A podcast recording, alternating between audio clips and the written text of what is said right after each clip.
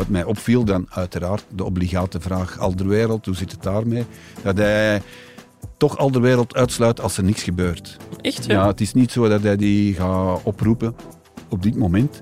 Want eh, hij begon spontaan te noemen spelers die, daar kon, eh, die op de plaats van Alderwereld kunnen spelen.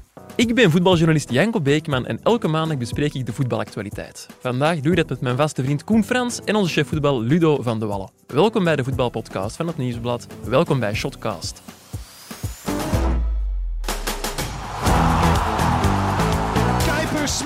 Met de kans en mooi afgemaakt zeg.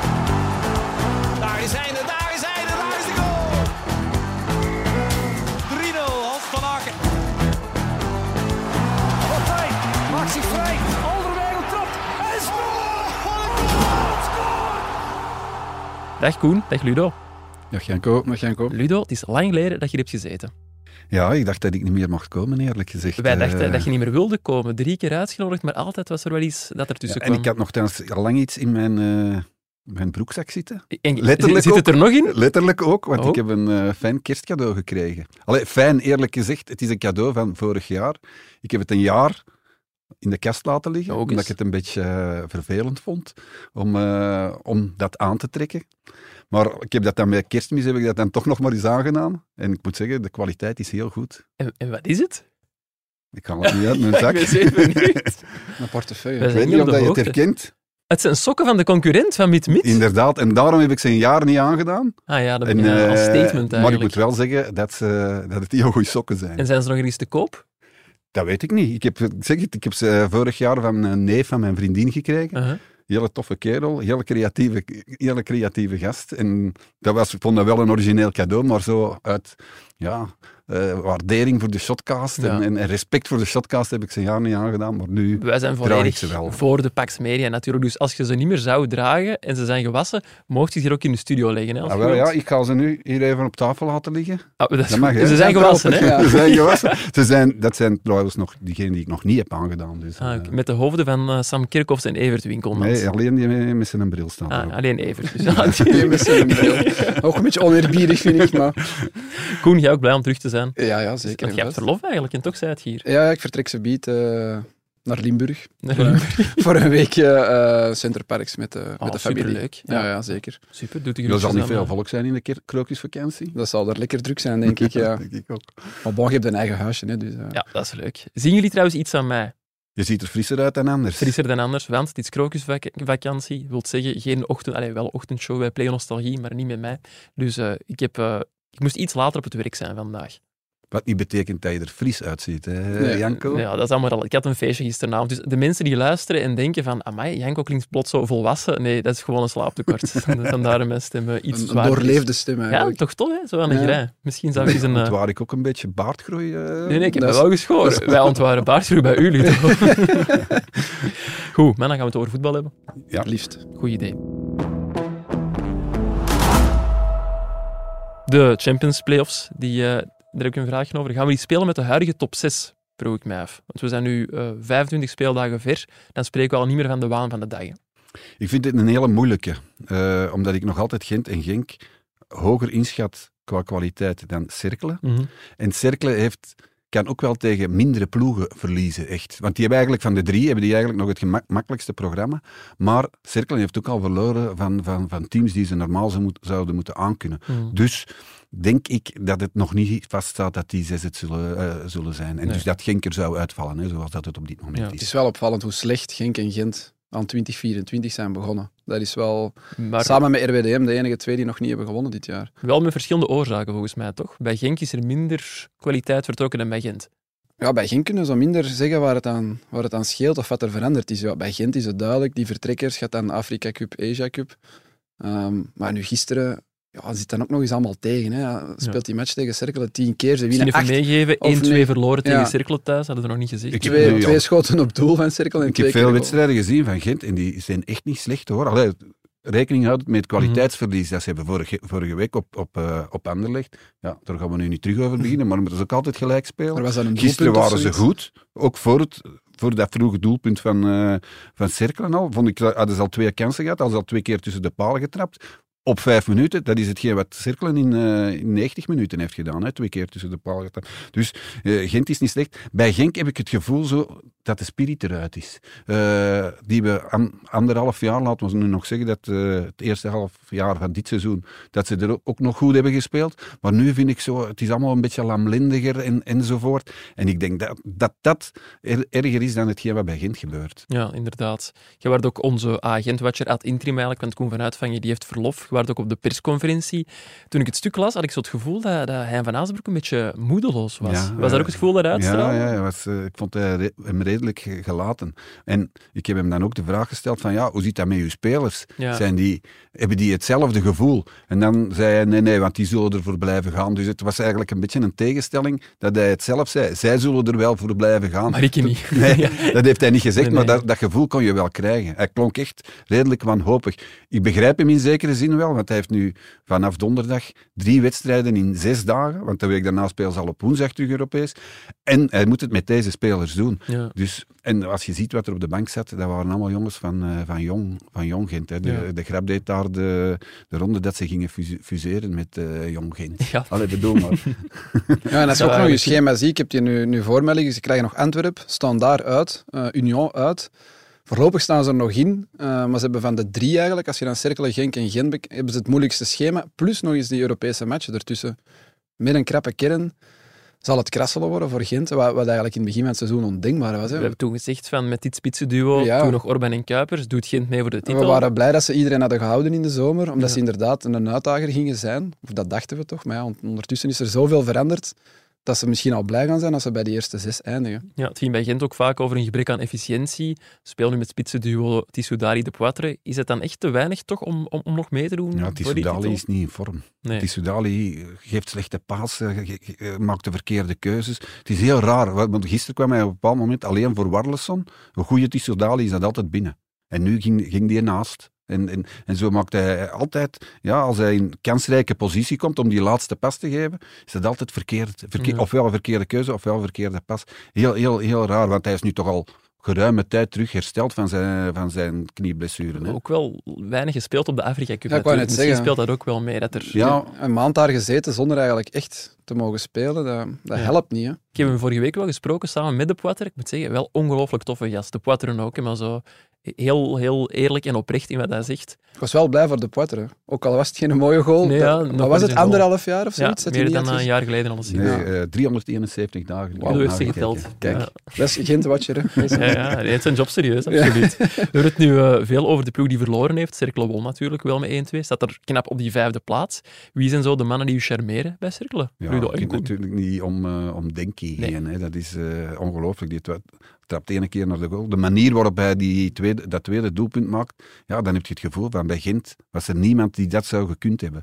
Dus uh, die is, dat is een hele goede speler. Nu, die Minda, die viel me gisteren wel tegen. Ik heb die in het begin van het seizoen getypt als, uh, als de man die ons allemaal zal verrassen. En ja, dat, dat, dat komt er blijkbaar toch niet toch Je hebt niet het gejinxed eigenlijk voor ja, Minda. Ik, ik denk het wel. Ik vond nog Le Maréchal, maar dat hebben we hier al een paar keer gezegd. Ja. Aan de bal vind ik dat wel een hele goede. René ja, van der Rijken, onze huisanalist, zei het ook. Stilstaande fases ook. Uh, ik denk dat het eerste doelpunt is een corner van hem. Ja. Um, ja, dat vind ik een goeie. En ook nog heel jong. Hè. Wordt gehuurd van, uh, van Monaco, hè, die uh, Le Maréchal. Ja, ik had dat eens gecheckt en heeft daar een keer met Matazzo uh, één match samen in de basis gestaan in de beker. Toen dat die nog allebei heel, heel jong waren. Ja, nog, nog voordat Philippe Clement, nog voordat Philippe Clement er zat zelfs. Hoe, hoe oud is hij nu? Le Maréchal? 20. Volgens mij 20, ja. En Matazzo iets Die is al 21 of 22, denk ik. Ja, inderdaad. Um, je had het net over Kevin Denki. Volgende week is er de Brugse derby. Uh, onze Club Brugge-watcher Pieter en Kalkoen die heeft Igor Thiago ooit met een vraagteken weliswaar de beste spits van de Belgische competitie genoemd. Wie is de beste spits van Brugge? Denki of Thiago, als jullie moeten kiezen?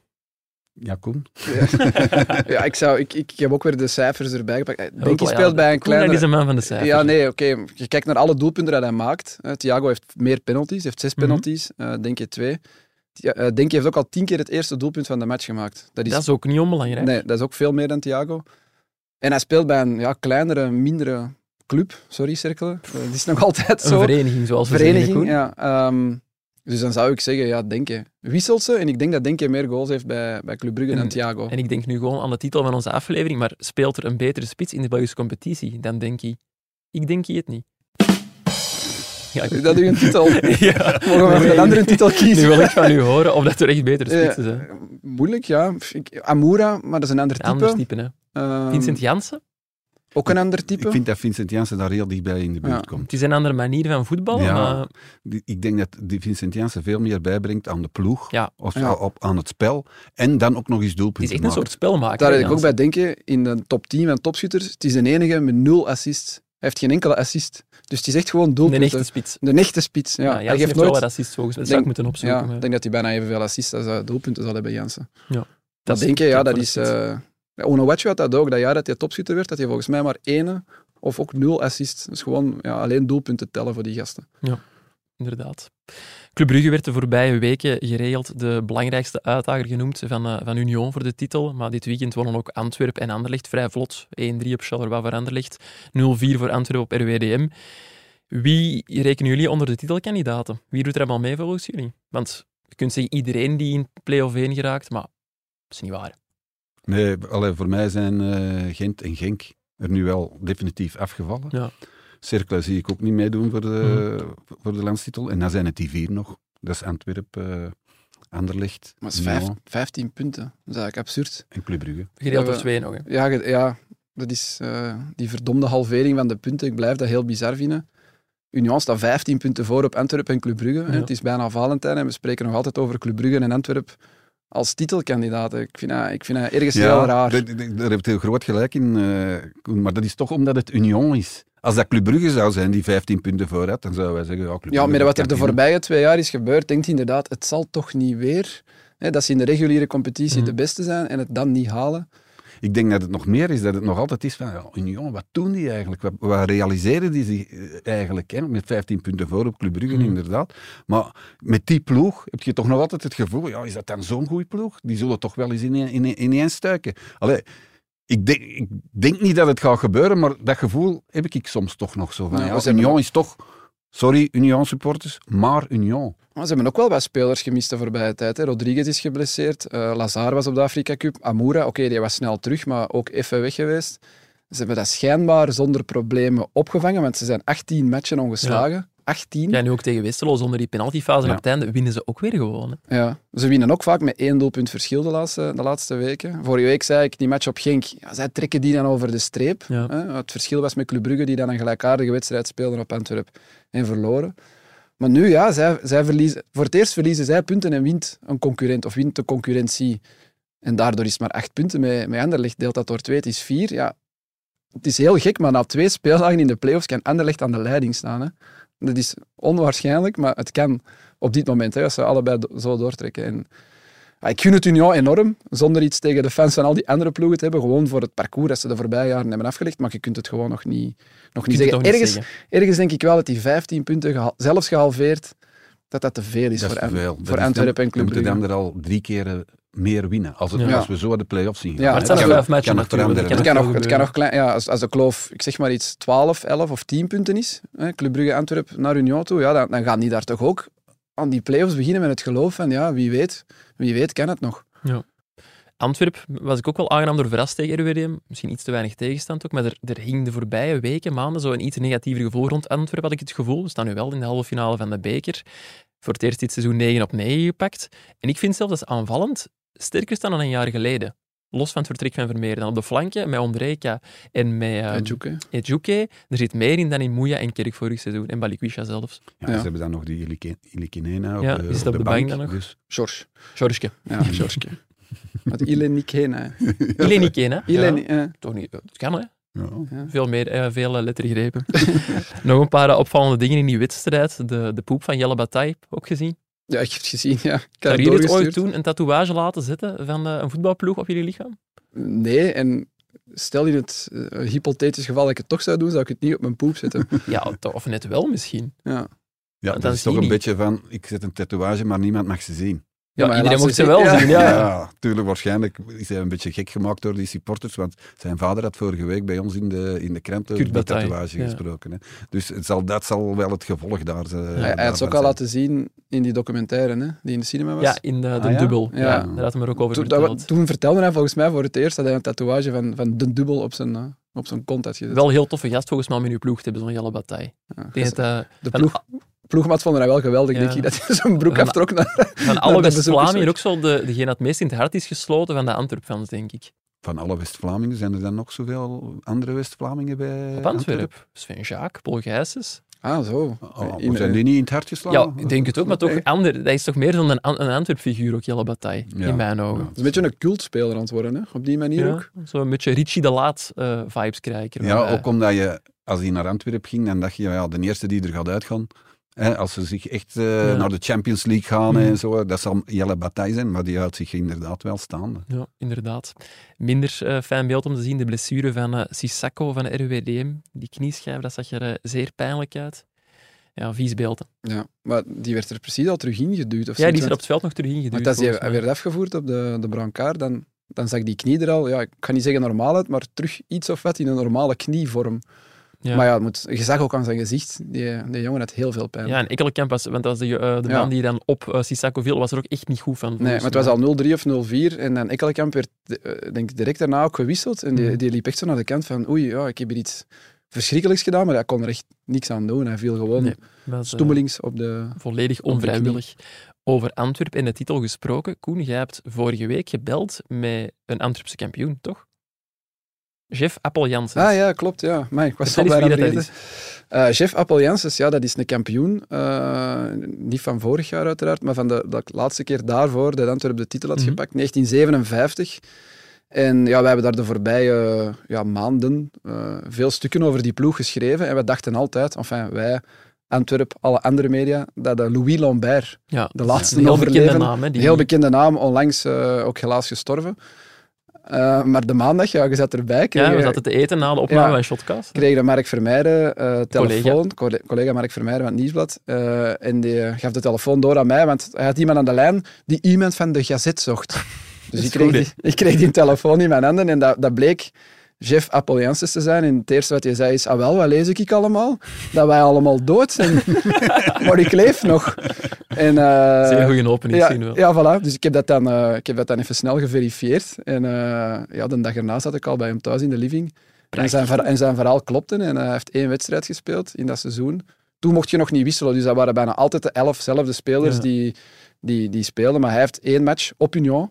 Eh, de match voor de titelmatch. eh, heeft hij moeten ja, invallen, depaneren, zeg Ja. maar. Maar hij stond mee op de ploegfoto. Hij is mee kampioen geworden. Zeg eens die naam, chef Appel Janssens. Ja, Jeff Janssens, maar iedereen noemt hem, of iedereen Ah. kent hem als Appel. Het is zelfs van voor uw tijd, Ludo.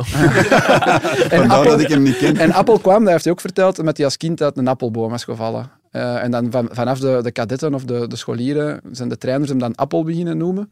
En dat is doorge, doorgetrokken tot, eh, tot hij bij de eerste ploeg kwam. En bij Antwerpen wisten zij het dus ook niet dat die, dat die mensen nog leefden. Ik denk het niet, want zij dan ook eh, ja, bij het afscheid van Louis Lambert, Ja. vorige week was dat zeker, ja, die, in, voor de thuismatch tegen Club Mhm. Brugge, hadden ze ook gecommuniceerd, ja, de laatste overlevende van de kampioenenploeg en zo.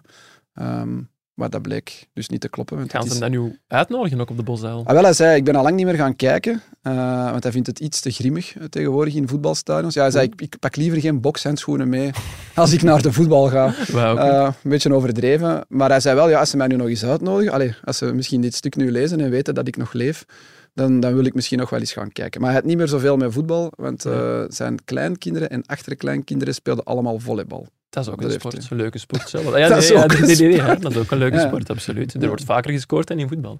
Dat is waar, Janko.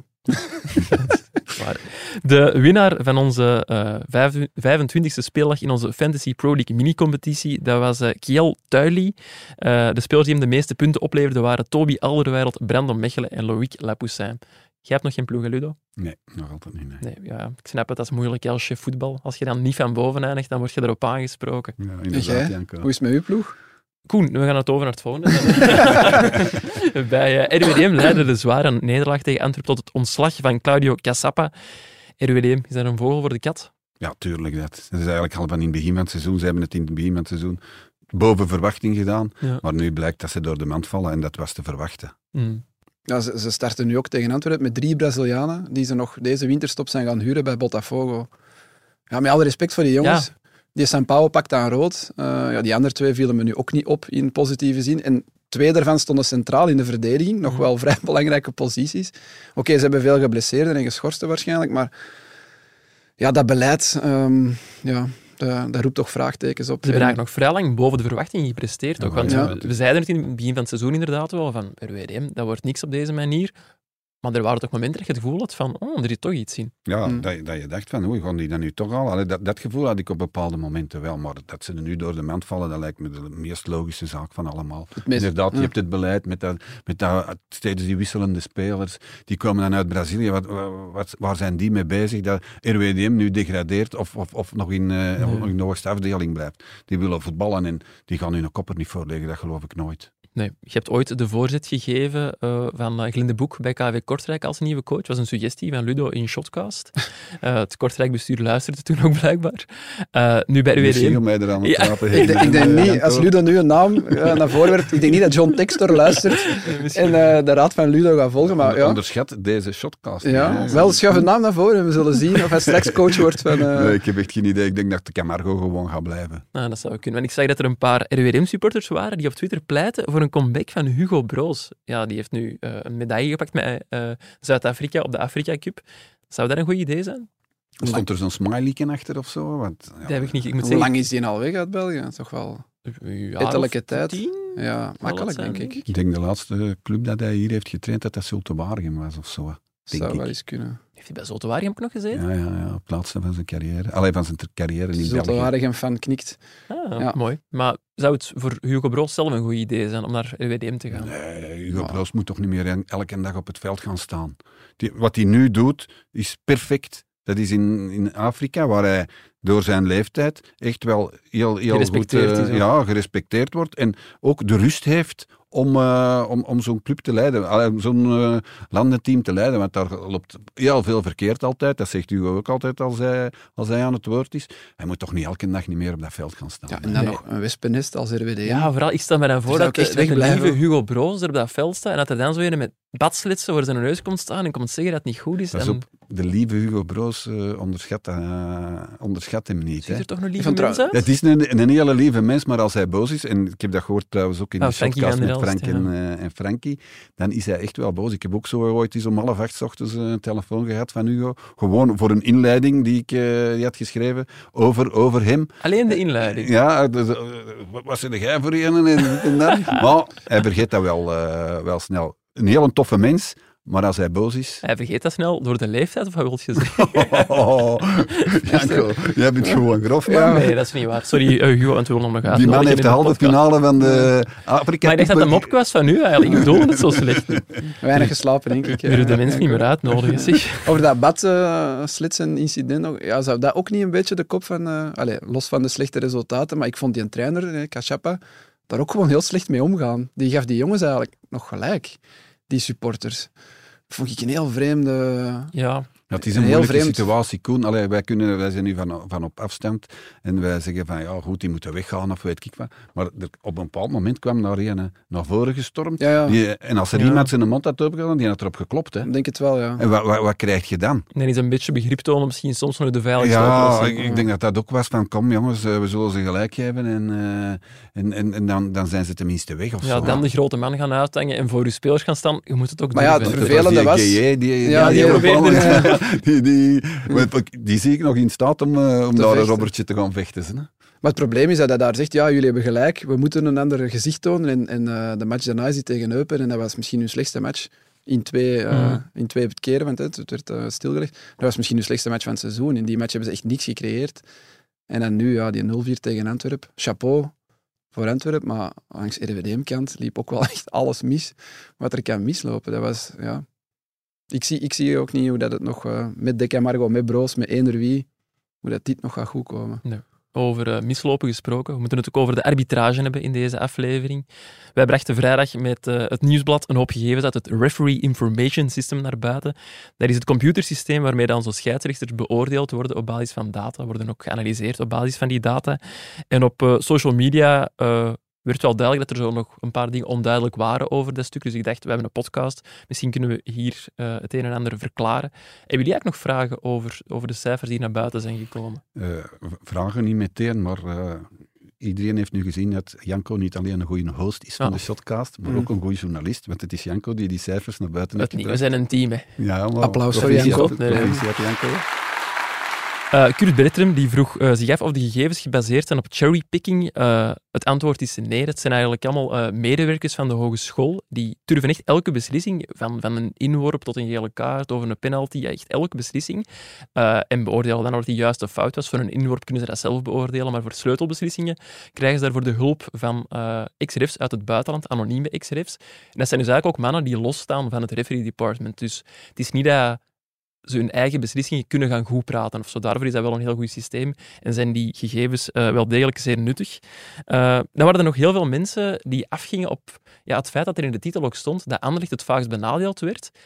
En dat vind ik persoonlijk wel opvallend, omdat er in mijn ogen in het stuk nog interessantere dingen stonden. En dat er ook wel een bepaalde context bij de titel hoorde. Er stond Anderlecht is het vaakst benadeeld, maar in het stuk stond ook uitgelegd Anderlecht is het vaakst benadeeld door gemiste VAR-interventies. En uiteraard zijn er ook nog heel veel andere manieren waarop dat je benadeeld kunt worden. Je kunt ook benadeeld worden door een verkeerde VAR-interventie, een, foutieve VAR-interventie. Je kunt zelfs be, uh, fout, uh, of nee, benadeeld worden door het feit dat je ja, onterechte gele kaarten krijgt, waar de VAR dan weer niet voor kan tussenkomen. Dus... Maar die foutieve VAR-interventies die stonden in een andere tabel, ook in dat stuk. Maar die stonden in een tabel, maar het verschil was inderdaad dat er geen gegevens per club van waren. Dus dat overzicht konden we gewoon niet geven. Dus van, van de clubs had je alleen gemiste VAR-interventies? Uh, ja, inderdaad. Die stonden er wel per club in, ah, inderdaad. En correcte inter, uh, VAR-interventies ook, want die waren er ook wel degelijk, hè, voor alle duidelijkheid. Nog altijd het merendeel, hè? Ja, en eigenlijk om, om echt te weten um, welke club het meeste benadeeld is, zou je elke wedstrijd, elke beslissing zelf nog eens moeten gaan nakijken dat is met respect voor een onbegonnen werk. En zo spectaculair vond ik het nu ook niet. Het was niet dat uh, Anderlecht in 25 VAR-interventies was. Nee, voilà. ik vond het, eigenlijk duidelijk maken dat de verschillen niet super groot waren en dat er eigenlijk geen, geen, enkele reden tot complottheorieën is. Dat werd er ook wel uit duidelijk.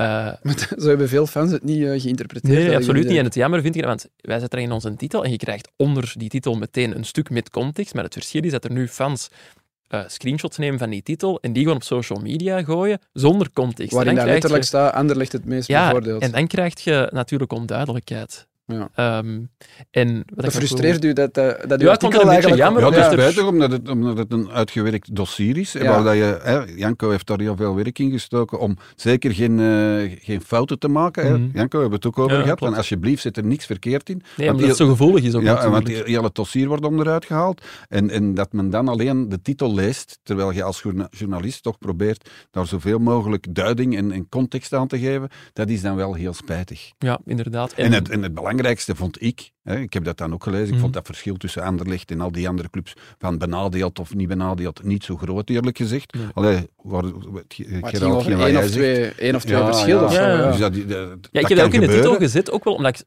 ergens ook wel verrast was, want wat je dan altijd hoort is dat de, de, grote clubs het meeste bevoordeeld worden en zo. Ja, bleek niet te kloppen. En in het stuk bleek dan ook nog eens inderdaad dat de verschillen gewoon niet groot waren. Ik vond, ik vond de boodschap vooral van Layek, zijn, uh, zijn, zijn, willekeur, hoe, hoe, dat hij met zijn scheidsrechters omspringt, dat dat gewoon op een onfaire manier gebeurt, inconsequent dat hij is. Dat vond ik eigenlijk de boodschap van heel dat, uh, van heel dat verhaal. Hetgeen wat wij allemaal al dachten, hè, hmm. door bijvoorbeeld die verkiezing van de beste scheidsrechter van, eh, van het seizoen vorig jaar. Ja, zal misschien even uitleggen. Dus ja. daar uh, mochten de spelers stemmen voor de scheidsrechter van het jaar. Maar bij de pro, uh, profvoetballer van het jaar of Pro League Player of the Year konden de spelers eigenlijk op iedereen stemmen, op elke speler. Bij de scheidsrechters konden ze maar kiezen naar drie, speler, uh, drie scheidsrechters. En die drie refs heeft Laik gewoon zelf aangeduid. Zonder te overleggen met zijn collega Bazen. Gewoon zelf gezegd, dat zijn de drie beste voor mij. Waarvan wij nog dachten, ja, dat zullen de drie beste zijn die jij daar, uh, ja. daar naar voren Volgens de cijfers, maar dat, ja, maar dat, dat, was niet eens waar. Nu heb ik ook een beetje aan het rondbellen geweest bij scheidsrechters en, en andere mensen die daar iets van van mhm. kennen. En die zei, Layek is alleen bezig met degene die hij naar voren schuift.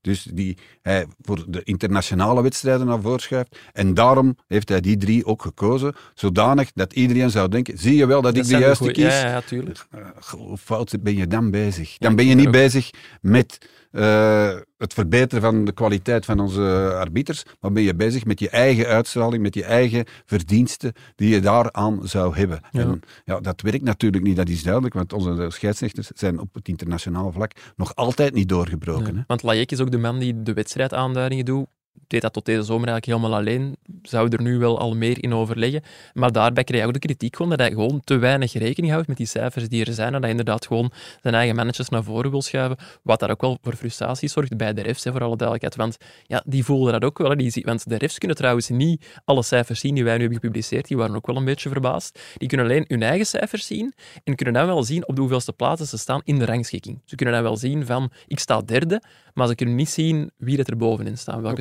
dat dan zijn. Als er een trainer ergens in de midden, eh, een scheidsrechter ergens in de middenmoot staat en het is een topmatch, dan weet je niet of dat, dat is toegewezen aan een scheidsrechter die beter of slechter Nee, nee, voilà. presteert Of- dan hem. Of, Dat weten die niet. maar die weten bijvoorbeeld wel van, ah, ik sta tiende in de, in de rangschikking, maar ik ben hier wel genomineerd om ref van het jaar te worden. Dat weten ze dat dan weten weer wel. wel. ja. Dus dat zijn, dat zijn heel rare Maar toestanden. hoe is het eigenlijk zo ver kunnen komen dat zo'n figuur als die Laik op die functie is, is terechtgekomen en zoveel, zoveel De, macht bedoel- en, de en bedoeling is altijd geweest, dat is van de vorige CEO, laat onze scheidsrechters terug internationale wedstrijden fluiten, zodat die dan populair worden. We denken aan Frank, Frank de Blekeren. Waardoor er meer scheidsrechters terug, meer jongeren terug scheidsrechter willen worden. Dat is eigenlijk altijd het, het, het idee erachter geweest. Men heeft men alleen een stap overgeslagen en dat is proberen die kwaliteit te verhogen.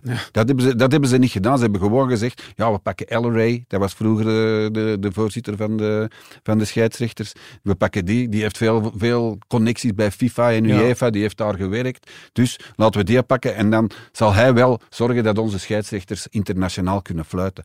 Heeft er misschien voor gezorgd, maar onze scheidsrechters zijn gewoon niet goed genoeg. En vandaar dat die doorbraak er nooit is gekomen. Dat is altijd het idee geweest. En daarom hebben wij al die buitenlanders nu als scheidsrechtersbazen gehad. Ja. En hebben wij die nog altijd. Want nog een van de dingen die ik wel jammer vind, is dat er gewoon bepaalde ja, dingen niet worden gedaan met die cijfers. Bijvoorbeeld, je kunt in die cijfers ook zien van eh, wie is de beste VAR, wie is de beste veldtref. Bij Laurens Visser bleek nu bijvoorbeeld dat hij niet aan zijn beste seizoen bezig is als veldtref, maar dat hij het wel supergoed doet als VAR. Bij hem is dat niet allemaal van toepassing, omdat hij in het verleden wel heeft laten zien echt wel ook een goede veldscheidsrechter te zijn. Maar stel dat er nu echt mannen zijn die structureel beter zijn als VAR dan als veldtref, waarom zou je daar niet alleen daarvoor inzetten? Je wilt toch gewoon ja, de best mogelijke teams ook op, al in de arbitrage opstellen om, om de best mogelijke beslissingen te Ja, krijgen. dat is ook het probleem. Hè. Zaterdag is iemand scheidsrechter, hoofdscheidsrechter, en zondag is, is diezelfde persoon VAR. Mhm. Dat, dat is gewoon het gegeven, omdat er te weinig eh, een professionele of semi-professionele refs dan, zijn. is- dan is hij vrijdag ook nog vierde scheidsrechter Ja. geweest. Dus dat is... Ja, pech, het is ook relatief, want we worden dan ook weer me- meer betaald natuurlijk ja, ja, als ze meer mogen tuurlijk, doen. maar Maar, komt uw concentratie Nee, niet nee, te goed, komt uw Ja. focus niet te het goed. gebeurde hè. zelfs dat ze twee wedstrijden na elkaar moesten varen. Dat is nu wel afgevoerd. Visser komt daar nu heel goed uit, omdat hij maar één VAR-fout op 21 ja, matchen. Maar dat is, daar, goed, ja. daar komt hij goed Ja. uit. Maar dat, die heeft heel veel VAR-matchen gedaan, omdat hij geblesseerd ja, was. die is geblesseerd geweest. Ja, dus daardoor dat hij veel in de VAR, Ja. blijkt dat hij dat heel goed kan. Ja. Ja, maar hij is ook wel oké één op als 21. veldtref. Hij heeft nu Ja, ja, seizoen, uiteraard. maar... Maar het is de beste VAR.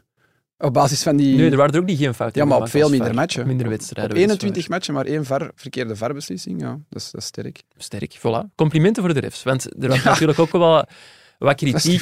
Allee, kritiek niet per se, maar er zijn wel- mensen die zeggen van ja, het is wel jammer voor die refs dat hun cijfers nu publiek worden gemaakt.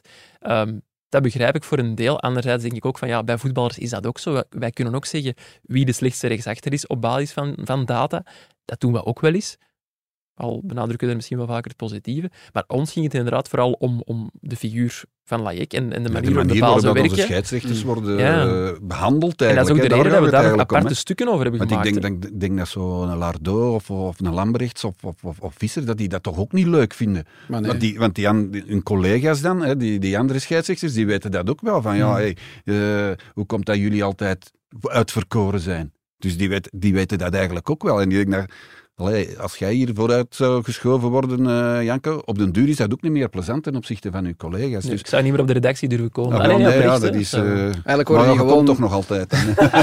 Eigenlijk wordt heel dat scheidsrechterkorps in, in België gewoon te slecht omkaderd en omringd. Ja. En je kunt niet die individuele scheidsrechters met de vinger gaan wijzen. En daarom, dat wou ik ook benadrukken, vond ik het interview van Castro Montes fantastisch. Ja. Die hebben die discutabele fase tegen in de, in de slotfase tegen Westerlo. En hij zegt, ja, dat zijn ook maar mensen, die doen ook maar hun best. Eh, uiteindelijk ja, zal hij misschien niet akkoord zijn gegaan met die beslissing, maar ja, ik had dat ook gezegd, ik had dat gestuurd naar u, dat ik het Ik wou eigenlijk... het eigenlijk vandaag niet over de Ja, ik wou, arbitrage het, hebben. ik wou het niet meer over ar- arbitrage hebben, omdat ik na vorige week eh, berichten had gekregen van het gaat te weinig over voetbal, het ging Ja. te veel over arbitrage. is wel een En heel belangrijk deel van het spel natuurlijk. hè. ja, ja, uiteraard. Ja. En met dat dossier dat, dat dit weekend is, eh, is uitgekomen bij ons, ehm, En is het we de laatste weken hebben meegemaakt, hè, Koen, dat is Ja. eigenlijk de aanleiding. Hè. Het is Die week na compleet week, foute ja. beslissingen die er zijn genomen. Ik wil het nu nog niet hebben dit weekend over Union of over Mignolet, Ja. die eigenlijk ook wel rood had Mhm. moeten krijgen, want dat was, dat, was- dat was handspel. Dus, eh, heeft het er de- toch over nu, maar... Ja, ja, maar eh, daar, daar Ja, ja. wil ik het nog niet, nog niet over hebben, maar het waren die manifest foute beslissingen. Mhm. En dat is de aanleiding geweest dat wij er achteraan zijn gegaan. Ja, uiteraard. En, en het is ook het is maar week na week was nu. Hè. Enfin, het is overal. Maar ik heb nu de voorbije weken ook heel veel Afrika Cup gekeken. Ik heb u dat ook gezegd. Is Illegaal. Dat, ja. Maar dat is ongelooflijk, maar bijna elke beslissing, ik denk zelfs elke beslissing was correct. Die VAR heeft daar fantastisch gewerkt. We zoeken buitenlandse refs. Hè. Heb ik Dus, dus het kan wel deel. En eigenlijk op het WK, ik, ik, ik zou nog eens moeten terugkijken, maar volgens mij waren daar ook bijna geen foute beslissingen. Nee, maar dat zijn wel toppers. hè. ja, uiteraard. Maar dus het kan, hè. die- Dus- ja, ja, het kan zeker. Die, met die- de juiste begeleiding, alle, alle eh, ja, technologie die, die er, die er eh, voorhanden is, als je dat allemaal ja, aanreikt aan die scheidsrechters, gaan die ook gewoon beter presteren. En En op het WK waren er bijvoorbeeld ook weinig VAR-beslissingen. Ja. Omdat men niet zo snel naar de VAR, Nee. eh, naar de VAR greep. bijvoorbeeld dat geval in Union Westerlo, daar, daar zou nooit voor naar de VAR gegaan worden, Nee. denk ik. Dat vond ik ook straf. In, in de cijfers bleek ook dat eigenlijk het aantal foute VAR-interventies, dus gemiste of, of verkeerde VAR-interventies, bij ons de laatste jaren alleen maar is gestegen. Terwijl je zou denken, als je zoveel investeert in je bazen, in de Mhm. omkadering, dat dat net zou dalen. Dat, ja, dat is Maar de reden dat we die stukken hebben Dat gemaakt. geld dat naar die bazen is gegaan, had beter naar de, de ref zelf gegaan en misschien de. Ja, voltijdse profs zou misschien wel Ja. in deze... Allee, er zijn veel plannen die op tafel liggen. 12 semi-profs zijn het nu, Ja. las ik. Inderdaad, en daar moet dan veel mee geschoven worden. Mhm. Maar Koen, jij wilt het niet meer te veel over de refs Ja, hebben. Misschien de rest van de maand februari moet jij zoals tournee mineraal het niet over de rest hebben en dat tournee arbitral noemen. Zou dat niks zijn? maar ik zou, we moeten zo'n alarm hebben en elke keer als het hier dan toch over de refs gaat, zal ik erop Nee, nee, duwen. dan zwijg je gewoon. Ah, ik, ik moet zwijgen. Ah, ja. Maar ja, dan kunnen jullie er nog altijd over Dat Ja. Heeft de luisteraar ook. Dat wordt Maar ja, moeilijk dan, om dan te gaat, zwijgen. dan, gaat, ja, dan, gaat, ja, dan vind ik het heel moeilijk om te zwijgen. Maar ja, dan gaan er weer van die flagrante dingen gebeuren dat je, dat je het bijna niet kunt Ja. verzwijgen. Het is maar, te belangrijk. Ja, ik weet niet, ja, op een, om een of andere reden zijn er nu meer tools ter beschikking en praten we er precies meer over dan pakweg tien jaar geleden. Omdat we meer Of- verwachten ook gewoon. Je, Ja, maar ook omdat er meer tools zijn. Er zitten nu twaalf camera's op een wedstrijd, Ah. waardoor dat je veel meer kunt zien natuurlijk. Hè. Helemaal Maar, waar. en, we moeten er ook eerlijk in zijn, het maakt ook deel uit van het voetbal en alles wat Ja. er omheen hangt. Op café gaat het er ook over. Ja, Ja. Allee, inderdaad. waarmee ik niet zeggen dat we hier cafépraat verkopen, voor alle duidelijkheid. Een voetbalfan zeurt graag op de ref, ja, maar je praat toch nog liever over voetbal zelf, denk ik, dan, dan altijd maar weer over die ref. Ik heb ook nog één eh, Ja, extra, spo- extra sportief vraagje voor jullie ook, want er is eh, ja, door de Pro League ook een mogelijk verbod op eh uitfans eh, afgeko- afge- nee, afgekondigd, ja, aangekondigd, afge- ja, Zoiets. bekendgemaakt. Ja. Ehm, dus als er een eh, ploeg verantwoordelijk is voor het sti- stilleggen, definitief stilleggen van een wedstrijd, dan moeten de eerstvolgende drie uitwedstrijden zonder uitfans worden gespeeld van die ploeg. Er was wel wat kritiek op van de voetbalfans. Wat denk je dat ik daarvan vind? Ben super... Ja, ik vind... Nee, hebben, wij dit gesprek al eens gehad Ik over vind dat- collectieve Jij vindt dat een goed idee, Ja, Ja. absoluut. absoluut. Het moet gedaan zijn. Janko, en ik kan nu weer niet eh mij opwinden, maar dat moet Nou, gedaan zijn. Een beetje die- op in die met podcast, we hebben dat met, graag. met, met die, scheidsre- eh, met die supporters die, eh, die van alles uitsteken. Stop. Het moet stoppen. En als dat een manier is om dat te stoppen, ik vind dat eigenlijk nog wel heel goed gezien. Eh, om dat op die manier op te lossen. Ik vind dat een, een heel degelijke, degelijke straf. En dan zeggen we van ja, goed, en de goede worden gestraft bij de slechte. Ja, goed, misschien komt er dan wel een vorm van sociale controle. Dat men zegt van ja, jongens, eh, stop ermee, want anders mogen we de volgende drie wed- uitwedstrijden niet, eh, niet meegaan. En, ik weet niet of dat het ermee te maken heeft, maar dit weekend geen enkele wedstrijd stilgelegd. Ja, dat is Nee. misschien wel snel om. Ja. Maar advocaat Maar- van de duivel, stel nu, ik ben supporter van RWDM. Ik ga... hem- Nee, ja, RWDM.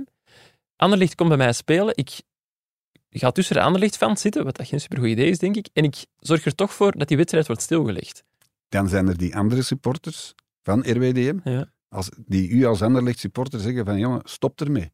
En als je, en als je er niet mee stopt, dan, eh, dan, dan hebben we een probleem. Of dan gaan ze naar de stewards, of dan gaan ze naar de politie. Sociale know. controle. Ja, absoluut. Dat is het enige wat gaat werken. Ik denk, denk dat dat naïef is, maar ik zeg het, we hebben dit gesprek al gehad. Ik denk niet dat er sociale controle in een voetbalstadion gebeurt. Ook uit schrik voor tegen die personen op te treden, denk ik.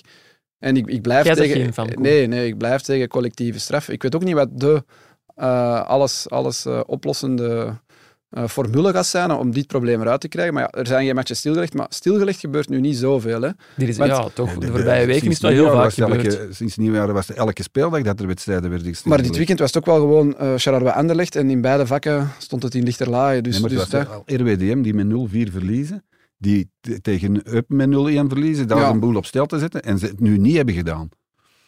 Maar goed, ik zeg niet dat het daardoor komt. De proof of the pudding is in de eating. Plus, dat, is, dus dat is ook, ja, dat is, dat is ook niet alleen een Belgisch probleem. In Duitsland was er een match die, die tot de 70 de eerste helft duurde daar tot de 70ste minuut. Ik denk Union Berlin, die scoorde in de eerste helft, maar dat was in de 70ste minuut, omdat daar ook het spel, ik weet niet hoe lang stil had gelegen, met van alles dat op het veld was, was gegooid. regel eh, redelijk legitiem.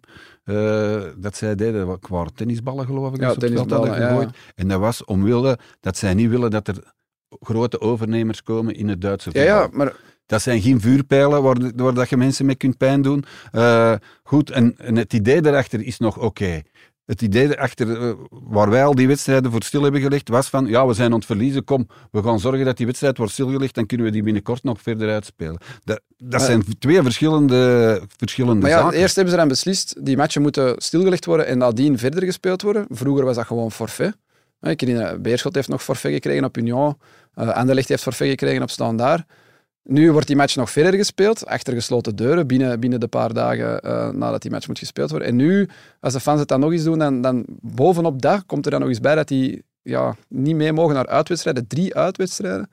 Ik vind ja... Nou, niet doen dan, hè, Koen. Ja, maar niet doen. Ja, niet doen, Koen. Nee, ja, ik, ik heb nog nooit een vuurpijl op een voetbalveld gegooid, maar ik, ja, 99% van die, van die supporters heeft waarschijnlijk ook nog nooit een vuurpijl op een voetbalveld gegooid. En die worden dan meegestraft, collectief gestraft, voor dat gedrag van die enkelingen. Waar dat, ik, ik ben ermee akkoord, je moet daar tegen optreden, je moet daar ook iets durven tegen zeggen in een, in een voetbalstadion als mede-supporter. Maar volgens mij is dat zo extreem moeilijk Um, en, en, ja, ik zou het ook niet durven. Hè. Moesten daar nu uh, supporters in bivakmuts naast mij staan met een vuurpijl, kan je hey, wil je alsjeblieft die vuurpijl niet gooien, want dan mag ik volgende keer niet meer op verplaatsen. Ja, die gaat hij gewoon gooien. Dat is een karikatuur dat ja, je maar, maakt, Koen. Je kunt dan naar een steward gaan, je kunt naar de politie gaan, je kunt zeggen het is een dier geweest. Die mannen die, komen, die komen met een bivakmuts ja. dat stadion binnen. Ja, jongens.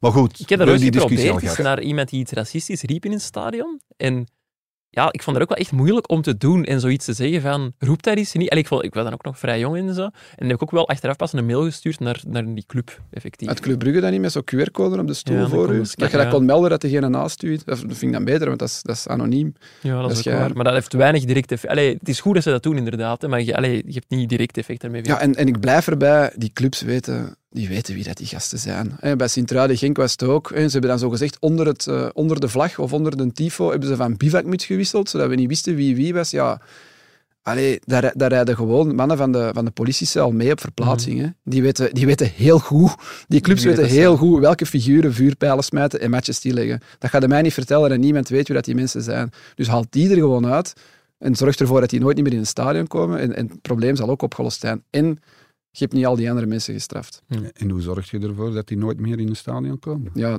dat is een andere vraag. Maar dat is iets voor binnenlandse zaken of justitie ja, of zo. Ja, maar dat, dat moeten we wegtrekken van de voetbalwereld. Moeten die, daar zich mee bezighouden?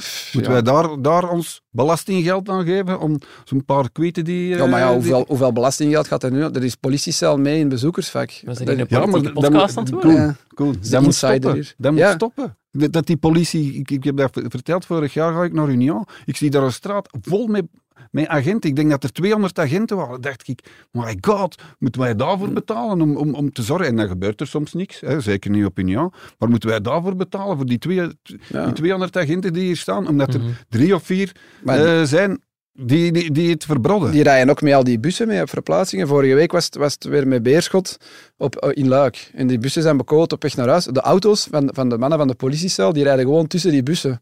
En nog wordt er met stenen aan die bussen gegooid. Dus en ze hebben ook niet gevonden wie het waren. Ze, ze hebben die mensen niet gevat. Ja. Voetbal? ja, voetbal, voetbal en feest. Voetbal een beetje te lang. We gaan terug over de voetbal hebben, inderdaad. Want Ludo, jij bent op reis geweest. Jij bent in uh, Frankrijk geweest, waar de Nations League loting plaatsvond. De Rode Duivels kwamen daar in een pool terecht met Israël. Oei, dat is weer politiek. Uh, Frankrijk, Niks over zeggen. Frankrijk en Italië. Je hebt er ook uh, onze bondscoach gesproken, Domenico Tedesco. Waar had hij allemaal te vertellen? Complimenten over uw baard gekregen? Ik zag nee. jullie zo samen op de foto en ik zag je een baard. Ik dacht dan, zou Tedesco er iets over zeggen? Nee, maar ik moet zeggen, hij was heel ontspannen, hij was heel vriendelijk. Dat is eigenlijk wel een toffe mens, dat durf ik, eh, Ja? dat durf ik gerust zeggen. En eh, ja, het was eerst over de loting. Ja, ja. Maar ja, dat zijn, Obliga- eh, ja. dat zijn open deuren intrappen. Oei, oei, het wordt moeilijk. Oei, Israël mag je ook niet onderschatten. Je heeft het zelfs niet in de krant geschreven, denk ik. In de krant niet, ik heb het wel Nee. voor online doorgegeven. Oei, maar dat is zo'n beetje zoals Martinez. Elke tegenstander is... eh, Ja, Of toch Ja, ja, ik, ik zag het over Montenegro en Luxemburg. Probeerde net toch ook, want daar spelen we oefenwedstrijden tegen. En dan zei hij, ja, maar Luxemburg is toch een geweldig duel tegen onze buur. En Montenegro toch ook wel deftig tegen ja, Servië. maar wat moet hij zeggen? nee, dat is Ja, waar. Hij kan die landen ook niet- gooien. ja, je kunt die Het niet kwam belachelijk er- maken, Het kwam er eigenlijk op neer van, goed, eh, hij wist niet dat, wij, dat eh, de nationale ploegen, ik weet dat eigenlijk ook nog niet zo lang, elk jaar tien wedstrijden moeten spelen, minstens. Dat moet, Ja, tien hij wist interland dat zelf. spelen. Ik las het Hij wist dat niet, dus eh, op een bepaald FIFA, moment... of- Ja. Ja, Ah, of de UEFA, dat weet ik nu niet, maar de, en op een bepaald moment komt hij dat te weten en ze zeggen tegen hem, ja, je moet nog twee oefenwedstrijden spelen. Maar dat was in, in november of december, Ja. dus Alle goeie waren al bezet. alle goeie waren al bezet. En daardoor is hij bij Luxemburg en eh, Montenegro terechtgekomen. En ja, hij probeert dat dan toch nog een beetje te pimpen Dat natuurlijk. lijkt mij een leuke job om dat wel zo te mogen bepalen. Tegen wie gaan wij een oefenmatch spelen? Ja, zoveel zal dat niet bepaald zijn. Er zal vooral gekeken zijn van ja, wie is er nog vrij. Wie kan Ah, ja. Maar we moeten dan echt zo bellen naar die bondsvoorzitter van hey zeg, er gewoon al plannen op de Allee, Ik vind dat wel tof. Ja, dat is niet zo op katholiek sportverbond. hè, Want het is augustus, we moeten nog een oefenmatch spelen. Ja. We maken een doodle en we zien Ja, ja, dat iedereen wie kan en zo. Oh, wij zijn maar juist met tien. Kan er een van jullie met ons mee? Nee, maar hij was ook eh, heel positief over de transfer van Arthur Vermeeren, waar iedereen gespeeld, toch misschien niet een beetje gespeeld. bedenkingen bij Mhm. heeft van ja, is die stap die hij heeft gezet niet te groot? Hij zei, nee, het is een fantastische transfer en hij gelooft enorm in, eh, in Arthur Vermeeren. Ik zeg niet dat hij er gaat bij zijn bij de EK-selectie, maar hij gelooft wel in deze ontwikkeling en dat Ja. hij daar bij Atletico Madrid goed ziet en dat het Belgisch voetbal en de Rode Duivels meer bepaald nog heel veel plezier zullen beleven aan, eh, aan Arthur Vermeer. De ketelaren volgt hij. Ja. ja. En wat mij opviel, dan uiteraard de obligate vraag Alderwereld, hoe zit het daarmee? Dat hij toch Alderwereld uitsluit als er niks gebeurt. Echt, ja? Ja, het is niet zo dat hij die gaat oproepen op dit moment. Want eh, hij begon spontaan te noemen spelers die, daar kon, eh, die op de plaats van Alderwereld kunnen spelen. En eerst natuurlijk Vaas, hè, omdat hij er altijd al heeft gespeeld. De wijn, een van de weinige spelers die altijd in de basis stond bij, bij Tedesco. Maar toch ook de Bast. De Bast die ook heel goed bezig is. Ja. En daar houdt hij nu toch ook wel heel hard rekening Ik mee. zou het toch graag zien. Zo Alderweireld en Vertongen nog één keer samen die nationale ploeg. Nou, Ik had ook de indruk dat in de recente interviews Alderwereld wel die deur die op een kier stond, alsmaar Ja, meer ja, begon ja, ja, open te ja, ja. duwen. Maar ik snap dat dat ook wel een moeilijke is, omdat je wilt dat ook niet te hard doen natuurlijk. Ja, je wilt nee. ook niet het zelf En afdwingen. dan snap ik de Desco ook dat hij zegt, ja, zolang er niks met Faas gebeurt, dan, dan, Nee, dan en gaan we ik- Alderwereld ik, niet ik op. geloof nooit dat hij dat gaat doen ook. Als, Nee. hij, hij zal niet, eh, ja, tenzij dat nu de twee volgende interlands tegen Ierland en, eh, en Engeland einde maart echte fiasco's worden Mhm. op verdedigend vlak, dan zal hij er misschien nog eens over denken. Maar zelfs dan, het lijkt me toch wel, eh, en dat zeggen ook al die spelers, eh, iemand die heel vastberaden is en, en, en een heel duidelijk idee heeft. Vraag dat maar aan Thibaut Courtois. Ja. En als Faas nu een zware blessure oploopt, zou dan Alderwereld wel meegaan als titularis? Of komt hij dan als tweede achter de Je Bast? kunt Alderweireld niet meepakken op de bank, vind Nee. ik ook niet. Nee, ja. ik ook niet. Dus, dan Dat is de, dan, dus de Bast blijft in elk geval dan Ja, maar de tweede Bast keuze. heeft eh, ook eens rechts een bak is gespeeld in de, Ja. bij de Rode Duivels. Dus. Die oefenmatch. Ja. Ja. En de manier waarop die zich, zich nu aan het ontwikkelen is, ja, komt Zo er goed wel bezig. ja, echt, bij. Ja, absoluut. Ehm, ik moet wel zeggen, ik heb echt zin in TK ook, omdat ik vind zo'n leuke mix van, je hebt dan ja, die ervaren as met Lukaku, De Bruyne, Vertongen, dan er, daar rond Doku, Bakayoko, die jonge gasten, die, die flitsen. Ik heb er wel zin in. Hoe is dat bij jullie? Maar ze moeten er wel bij zijn. Hè. Liefst wel, ja. De Bruyne moet erbij zijn, Ja. Lukaku moet erbij zijn. Courtois had ik er ook heel graag bij gehad. Maar als ik nu hoor dat Courtois vorige week is beginnen trainen, Mhm. dan denk ik toch, ja, waarom zou die nu niet dat EK kunnen halen? Hij zal, hij zal er Nee, waarschijnlijk nee. niet bij zijn. Hij heeft zelf gezegd, ja, ik ga niet klaar zijn. Maar als je nu, begint, als je nu begint te trainen, eh. dan kun je toch begin april wedstrijd klaar zijn. Dan nog een heel maand eh, goed trainen, allee, goede wedstrijden spelen. Ja. Hè, want hij zei, ik ga nooit geen 100% zijn. Maar na een maand gaat hij toch 100% zijn. En ik vraag me ook af, als je niet 100% bent, dat je dan in het doel mocht staan bij Real Madrid, die op dat moment ook voor de prijzen, Ja, voor de prijzen bezig zijn. Dan zou die toch mee kunnen. Hè. Dus- Heeft hij daar nog iets over gezegd? De Desco? Hij begon er zelf over, zeg ik. Nee, we, we, we zeiden eerst die traditionele vraag, eh, ja, de traditionele vraag Alderwereld. Nou, ja, ja. Ja, ja. En dan nog één, en dan zei hij Courtois. Ja, dat was wel grappig. Zo. Ja, maar wat zei, wat, zei hij dan? Nee, hij zei van goed, alles is erover gezegd. Maar ik had al gepost naar een reactie ook na het interview Ja. eh, met Courtois. En toen had hij dat ook al, eh, ook al gezegd. Dus Kunt hij alles is erover gezegd. En hij was wel blij dat hij had gestemd voor Courtois als beste doelman ter wereld. Ja. En dan zei hij triomfantelijk daarna van... En ik wist niet dat het openbaar ging gemaakt worden. Dus het was echt eerlijk, zei hij. En Eh, dat is ook wel Ja, waar. was het oprecht? Hij wist het echt niet. Nee, nee, nee, nee, hij wist het echt niet. Want hij, wa- Hij, hij weet niet hoeveel oefenmatchen dat je moet spelen. Hij weet niet dat weet stemmen openbaar worden Wat weet jij wel eigenlijk? Nee, nee. Het is zijn eerste jaar bondscoach, Ja, is Janko. dat. Alle begrip. Ik moet wel excuseren bij Hugo Broos, Domenico Tedesco, wie Ja. nog allemaal. Goed, goed bezig. Over het EK, Ludo. Je bent ook in Duitsland geweest, eh, in Stuttgart, naar het hotel waar de Rode Duivels gaan verblijven, in Ludwigsbrug, om precies te zijn. Hoe was dat? Is dat een chic hotel? Baden ze daar in luxe? Nee, helemaal niet. Ik ben in de hotels geweest in eh, Brazilië, waar ze hebben gezeten, Mojidas Cruises, en in eh, Rusland, nabij Hmm. Moskou. En dat was veel luxueuzer. Ah, ja, ja, dat was, die hotels waren veel groter. Er was een domein rond. Ja, ik kon het einde er niet van, van, Nee. van zien. En dit is eigenlijk een heel goed, degelijk hotel.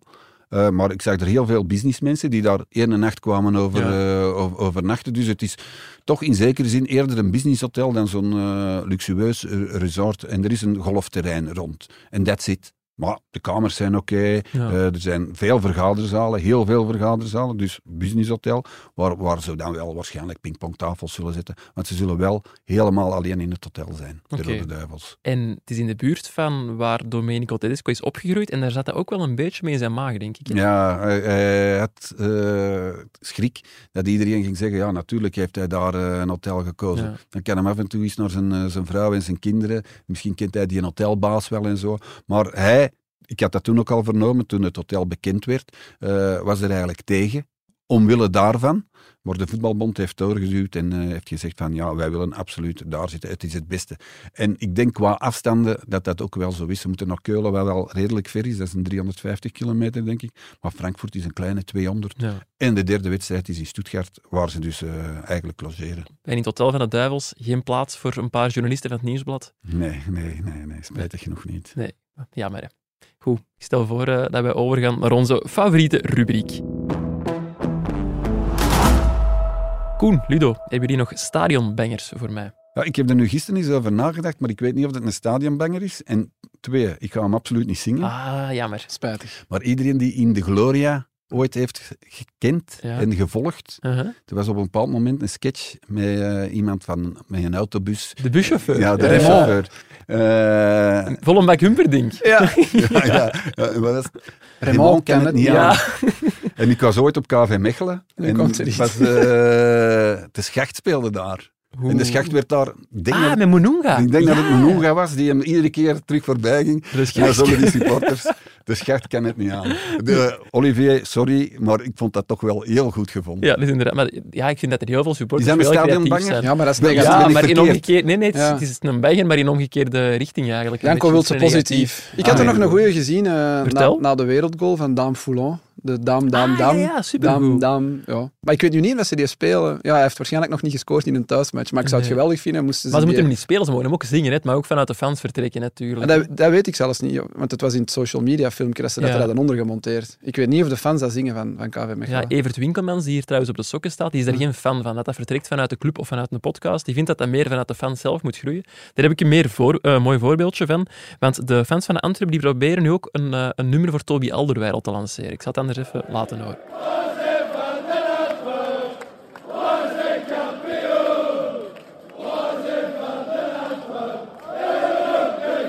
Ik heb het wel goed gevonden ook. Ja. En het rijmt, dat is altijd fijn. In Engeland hebben ze dat meer, hè, zo van Ja. die liedjes die langer duren Ja, en die dan een verhaaltje vertellen. Wij willen dat hier ook lanceren Ja. eigenlijk. En bij die andere ploeg uit Antwerpen, eh, Beerschot, eh, een van de, andere ploegen uit Antwerpen, want we hebben ook Berchem Sport, het grote Berchem Sport, hebben ze een nummer voor Ryan Sanusi. Eh, Koen, kent je dat? Nee, Want Jij bent Beerschot-watcher geweest. Hè? is dat... Ja? Waarschijnlijk iets met zijn krulhaar of zo. Er is iets van curly hair in, Ja. maar ook nog iets met een wife en... en Ah en ja, dat is een bekend... Ja. Ja, maar ze hebben daar dus een variant voor Ryan Sanusi op gemaakt en die klinkt als volgt.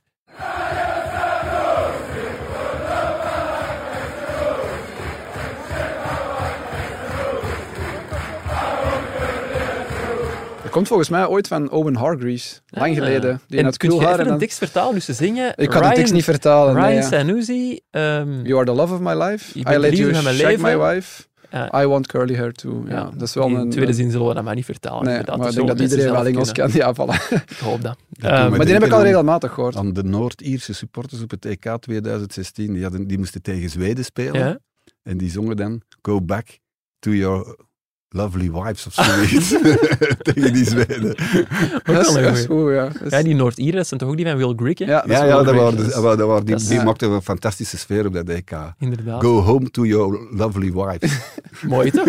ja, ja, En dat is toch, ja, Ja. ik vind dat heel, wel heel goed. We leren veel over Koen vandaag. We hebben ehm, ook nog eh, een fijne gekregen van Claude Dupré, een luisteraar en eh Sint-Truiden supporter blijkbaar. En die vertelde dat ze voor Desiree Mbonabucha op Sint-Truiden vroeger het nummer Desiree van Gilbert Bécaud Zal ik daar ook even laten horen? Ja, zet dat is eens op. Ik zal het hieronder laten monteren, want het is te ver om te gaan zoeken. Désiré, oh désiré, dans le cœur t'as l'esprit de ta génération. Mère, mère, mère. Désiré. Goed. Als jullie geen bangers niet meer hebben, dan zullen we de luisteraars die laten insturen naar shotcast.nieuwsblad.be en dan kunnen wij ondertussen over naar onze afsluiter. Koen, Ludo, wat gaan jullie nog doen deze week? Ja, ik zou nog even iets eh, willen zeggen, eh, Janko. Is het mijn evaluatie live in de podcast? Zoals van Eh, de scheidsrechters. Nee, twee weken geleden was ik op Anderlecht, eh, voor Anderlecht Union was dat. Mhm. En tijdens de rust ga ik, je bent ook al op Anderlecht geweest, jij ook waarschijnlijk, Koen. dus ik moet naar beneden gaan tijdens de rust om daar iets eh, te drinken of, eh, Ja. of de interviews van tijdens de rust. Koffiekjes, En ik, ik kom daar iemand, eh, en iemand roept mijn naam. Ah, Ludo van de Wallen, ja. het was weer gewoon een andere van de... nee, nee, nee, nee, deze keer was Dat verhaal ging het wel degelijk over mij. Eh, en ik kijk die, ik zeg, ja, ken ik die nu of ken ik die niet? Maar die leek heel veel op eh, de woordvoerder van Tom- Domenico Tedesco. Karsten, Heeft hij een eigen woord Kar- Karsten Maier, dat is iemand die zijn persrelaties... Ah, eh, de- maar die stond dan met een, met een sjaal en een, en een muts. En ik dacht, ja goed, ik denk, oh maar dat is die. Ja, ik super enthousiast, want dat is een hele vriendelijke mens. Ah ja, hoe is het? En die, ah, nee, in het Engels dan, want we Ja. spreken Engels. eh, how are you? Die zei, ja, ja, in het Nederlands. dan, Ik ken u van de Shotcast. Echt? Dus... eh, Kersten Maier luistert naar de shotcast. nee, dat was het probleem. Het was dus Karsten Maier niet. En jij allemaal vragen hoort in disco. Dus eh, als die persoon nu luistert, want het is een fan van de Shotcast, sorry, dat was het probleem waarom ik zo enthousiast eh, reageerde, want die zal ook gedacht hebben, amai. Maar die, Lu- die Ludo is wel heel enthousiast. Ja, dat is wel een heel eh, supervriendelijke gast, wat ik eigenlijk niet zo ben. dus, meneer, sorry voor eh, mijn overenthousiasme. Mooi. Leuke uitsmijter. Ik heb ook iets gênant meegemaakt eigenlijk dit weekend. Ik was ehm, de, de teammanager van Antwerpen tegengekomen, Sascha van de Sande. Dat is blijkbaar ook een luisteraar van de podcast. En eh, op een gegeven moment stond ik eh, op dezelfde locatie ook met eh, een vrouw te praten, die ook vertelde van, ah, ik ben een grote fan van de podcast en via de Sascha en zo. Maar de band was mij niet helemaal duidelijk. Dus ik vroeg dan van, ah, je bent dan een goede vriendin van de Sascha? Of? Nee, ik ben zijn vrouw. Ik zeg, ah, sorry, Koen kent die blijkbaar ook. Dus ik dacht, dat is nog wel een eh, relevant verhaal om te vertellen. Ja. Ik weet Ja, niet wat daar relevant Ja, is. nog een goed verhaal, Koen. Eh, ja, nee, niet zo straf als deze twee. Nee. En een antwoord op mijn vraag wat jullie deze week gaan doen? Ja, ik vertrek ze op vakantie. Eh, ik heb eigenlijk een week vakantie, maar ik vertrek altijd iets later, Ja. zodat ik op maandag nog hier kan Oh, dat is toch... Dat is dedication, hè. Het is een drukke week voor mij, want mijn zoon is eh, bijna heel de week bij mij. Het is carnaval bij mij thuis. eh. Bij u thuis. Oh. Ja, in, allee, ja, ja, bij mij thuis. Aan de overkant van waar ik woon staat een immense tent. Oeh. En daar is het al eh, vier dagen carnaval. En vandaag komt zelfs de stoet. Dus, eh, Woon jij in Aalst, en- of wat? Nee, ik woon in Rekem, Lanaken. En Rekem is echt bekend. carnaval Ah, ja. Gemeente, moet ik zeggen, van, van de buurt daar. Eh, en dan ja, moet ik toch nog veel werken, dus mijn week zit eigenlijk eh eivol. En mogen de mensen weten waarin je gaat verkleden? Ik uh, verkleed me niet. Ik, ik, vind het spijtig, want het is daar een enorm feest, Ja. maar ik voel het niet. Dat begrijp ik. Ik- Nee, alle respect ik- voor carnavalisten. Ja, ja, ja, zeker. Ik, ik begrijp het. Al de, al de mensen die daar, die daar rondlopen, de advocaten, de dokters, allemaal doen die, doen die mee, maar ik voel het niet. Ik, ik, ik, Hm. ik vier spijtig genoeg niet mee. Ik zou het graag doen, maar nee, het, het, het lukt me niet. Nee. Ik eh, weet nog niet wat ik allemaal ga doen. Geen carnaval vieren. Ik ben wel zondag Anderlecht-watcher, dat interim van onze Anderlecht-watcher Jurgen Geril, die is er niet. Dus ik mag gaan kijken naar de wedstrijd tegen Sint-Truiden. Iets aan uit te kijken. En deze week in het nieuwsblad een paar zeer interessante stukken. We gaan er nog niet te veel over zeggen, maar surf zeker naar de app of uh, koop de krant, want die maken we ook nog altijd. Hè. Goed, dan uh, denk ik dat we, dat we rond zijn voor vandaag. Dan wil ik mij nog graag excuseren bij Hugo Broos en Domenico Tedesco. Ook bij de vrouw van Sascha van de Sande. Dat zijn er al drie en mensen. En Koen Frans voor de, die uitgebreide... Ja, we het zo lang over, over die scheidsrechters. Oh, maar dat is het minste. Dat is niet erg. Ik ben dat alweer vergeten. Janko blijkbaar ook. Dan ga ik jullie bedanken. Merci, Koen en Ludo. Bedankt ook aan Elisabeth, Seba en stagiaire Cedric voor de steun achter de schermen. En aan de mensen, bedankt om te luisteren en tot maandag.